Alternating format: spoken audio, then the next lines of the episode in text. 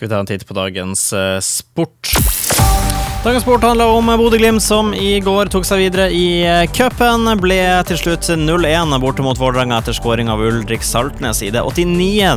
minutt. Sendte Bodø-Glimt videre til neste runde av cupen. Det var Victor Boniface som gjorde et nytt eh, nydelig forarbeid, der han dregde seg forbi halve Oslo.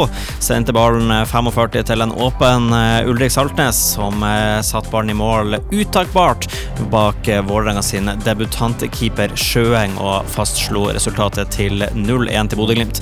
Og Debutantkeeperen til Vålerenga han eh, måtte se Bodø-Glimt skåre et mål til slutt, men han eh, gjorde, seg, gjorde, seg, oppmerksom også, ettersom at han eh, hadde ei strafferedning fra Ola Solbakken bare noen minutter tidligere. Så en eh, vellykka debutant og fornøyd 20-åring var det etter kampslutt. Noe som eh, var mindre fornøyde med etter kampslutt, det var situasjonen som skjedde utafor stadion etter kampslutt. For på Twitter så kunne man eh, se en Vålerenga-konto legge ut at de hadde stjålet tre bannere fra Bodø-Glimt-supporterne.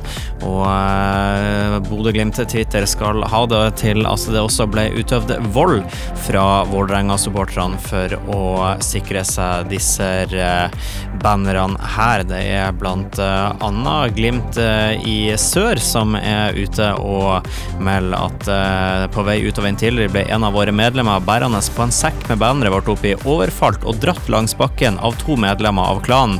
Tydelig et forsøk på å stjele bandet, selv om de to voldsmenn mot én fotballspiller klarte de ikke å ta det. Og eh, de melder videre at de ikke ønsker å være en del av det ultras-tullet som de sjøl skriver.